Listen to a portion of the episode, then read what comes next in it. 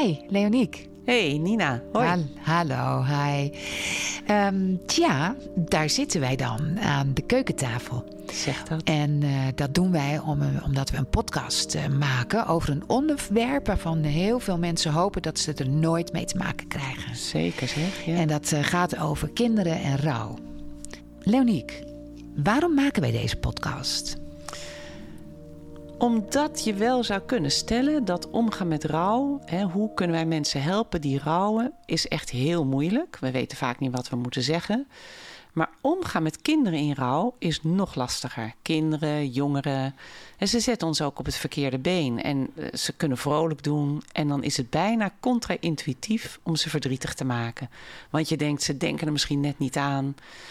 En toch kunnen kinderen zich daar heel alleen in gaan voelen. En daarom ja, vinden wij het belangrijk toch dat we, dat we gaan helder maken hoe je kinderen toch kunt benaderen als ze met zo'n groot verlies worden geconfronteerd. Oké, duidelijk. Even voor de luisteraars. Jij hebt een eh rouwverwerkingspraktijk gespecialiseerd in kinderen. Ja, zeker. Zo ben ik er 22 jaar geleden wel begonnen, speciaal voor kinderen en jongeren. En ehm, ja, nu is die praktijk heel groot geworden. Ik zit in Leidsendam, maar we doen ook heel veel online. Dus dat klopt. We hebben al onze kennis nog steeds verder uitgebreid. Met ook allerlei ja, aanvullende training. Maar vooral alle kinderen die voorbij zijn gekomen. We leren toch telkens weer van ze. Ik vind het ook heel mooi hoor dat je dat doet. En eh, wij kennen elkaar natuurlijk al heel erg lang. Ja. En eh, ja, vanaf begin af aan heb ik je natuurlijk gevolgd. En eh, ik weet wat je er allemaal voor gedaan hebt. En hoe het allemaal tot stand is gekomen. Want Lee, ho- hoe lang kennen wij elkaar al wel niet? Oh jeetje, Nina, moeten we dat nu echt bespreken? Nou, we hoeven niet tot in de details te gaan. Hè? Maar het is natuurlijk wel leuk om even aan te geven dat we elkaar best al heel lang kennen. Hoe lang? Ik denk 45 jaar of zo. Ja, we hebben samen gezellig gewerkt. Zijn we in onze eerste baan begonnen. Hebben we heel veel plezier gemaakt met Heel elkaar. veel, heel en ehm, dat waren gewoon mooie tijden. Ja. En eh, we hebben elkaar natuurlijk nooit losgelaten. Nee, dat is ook fijn. Hè? We zijn Super. echt wel met elkaar meegegroeid eh, in goede en in slechte tijden. Maar goh, als ik dan nog terugdenk aan die tijd, wat was het toch heerlijk om 25 te zijn. En wat hadden we nog weinig zorgen. Klopt, klopt. Hey, ik heb hier ook een. eh, we gaan gewoon even terug naar waar we, eh, eh, waar we hiervoor zijn. De podcast. En we hebben eigenlijk samen besproken om het over jouw boek te hebben. Ja. En eh, het boek eh, heet De Gids over rouwende kids. En in dat boek eh, staan eigenlijk 80 eh, hoofdstukjes. Met in ieder hoofdstuk een, een centrale vraag. Het leek ons gewoon een goed idee om per keer een centrale vraag te bespreken. Ja, dat is heel leuk. En ik vind het ook super leuk dat je dat mij, met mij wil doen. Want eh, ik weet dat jij altijd heel eh, nuchter naar de onderwerpen kijkt. Je maakt het niet te zwaar. En dat is natuurlijk wat we willen. Want het lijkt zo heel zwaar, kinderen in rouw. Het is het natuurlijk feitelijk ook. Maar kinderen zijn gewoon heerlijk. En je kan zo makkelijk met ze het gesprek aangaan over wat ze hebben meegemaakt. Ja, Dus ik vind het leuk dat we elke keer telkens weer kort een onderwerp bespreken. Niet te lang, niet te zwaar, Ja. maar heel laagdrempelig en lekker dat iedereen die met kinderen te maken heeft, die rouwen, weet wat ze kunnen doen. Zowel ouders als leerkrachten, als de buurvrouw. Nou ja, zoals jij er ook misschien wel voor mijn dochter bent geweest ooit. Weet je nog? Ja dat weet ik nog Ja, heel goed. Dat was ja. heel fijn. Ja. Je maakt het nooit te zwaar. Ze vond het heerlijk om bij jou de ei kwijt te kunnen. Oké, nou, want dat is nog steeds fijn om te horen. Ja. Hey, je hebt eh, het boek geschreven, De Gids over rouwende kids. En het zijn 80 praktische tips. Dat zijn er best heel veel. En wij gaan gewoon beginnen met een, een van de vragen die eh, vaak in het begin aangehaald worden. En eh, misschien is het gewoon goed dat als ik de vraag voorlees of oplees... en dat jij dan reageert of dat jij kan, meer kan vertellen over ehm, ja, hoe je moet omgaan met, eh, met de vraag. Nou, dat lijkt me een heel goed plan. We hebben koffie, we zijn er klaar voor. We hebben chocola, want van chocola ga je beter voelen. Dus we zullen iedere podcast koffie en chocola. Lijkt me fijn. Is goed. Oké, eh, ik heb dat boekje er natuurlijk bij gepakt eh, met de 80 tips. Ja. En ik heb hier een tip die mij meteen eh, eventjes triggerde. Want ik ben heel nieuwsgierig wat je antwoord erop is.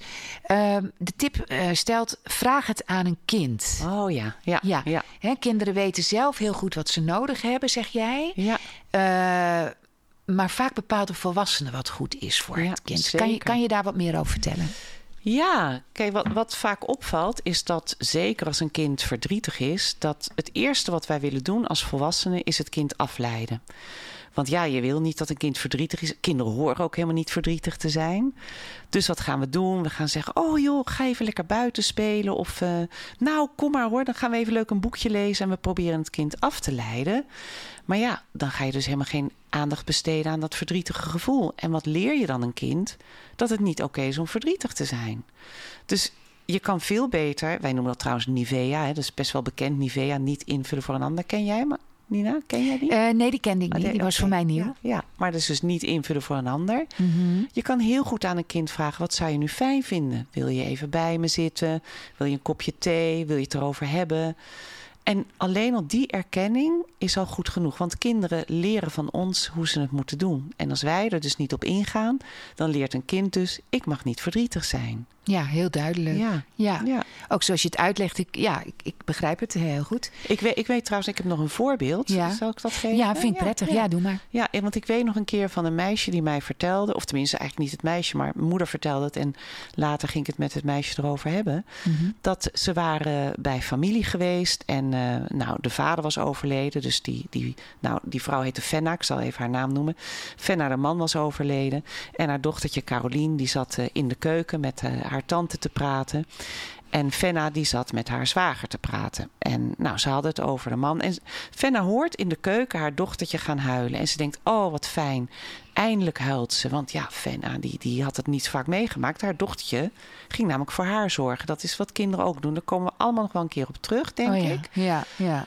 Maar zij hoorde dus haar dochtertje huilen. En daar was ze eigenlijk heel blij mee. Want ze dacht, eindelijk kan ze huilen. Maar wat hoorde ze ook?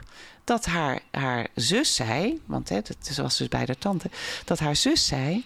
Ah, kom joh, dan gaan we even lekker naar buiten. Gaan we even, even een ommetje lopen en dan gaat het vanzelf weer over. En Fenna dacht, nee, laat haar nou even huilen, want dat is belangrijk. Ja, dus dat er ruimte is voor dat huilen. Ja, en dat je dat als volwassene, als ouder of uh, familielid, vriendin, uh, vriend, dat je dat uh, ook op die manier kan zien. Maar kan je dat dan leren? Kan, kan je wat leren? Wat bedoel je? Kan je, kan je? Dat kan je jezelf dus wel, ja.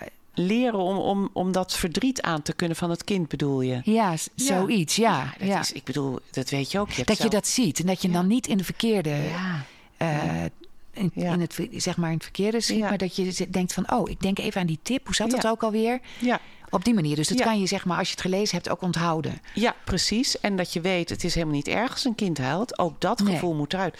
Voor mij helpt het altijd om te denken, oké, wat zou ik fijn vinden? Ik zou het ook niet fijn vinden als ik huil en iemand zegt meteen: Nou, kom op, hè, gaan we even lekker naar buiten. Of welke afleiding dan ook. Nee, is niet fijn. Want dan is het net alsof het er niet mag zijn. Dus dat kan al helpen als je denkt: Oké, okay, is belangrijk, moet eruit. Alles mag er zijn. Ja. En niks is eng. En een kind kan dit heel goed aan. Ja, oké, ja, heel duidelijk. Goed uitgelegd. Dank je wel. Oké, nou Lee, uh, mijn koffie uh, is op. Jouw ook? Ja, de mijne ook. Goed. En de chocola ook trouwens. Heel goed. En fijn dat we deze tip hebben kunnen toelichten.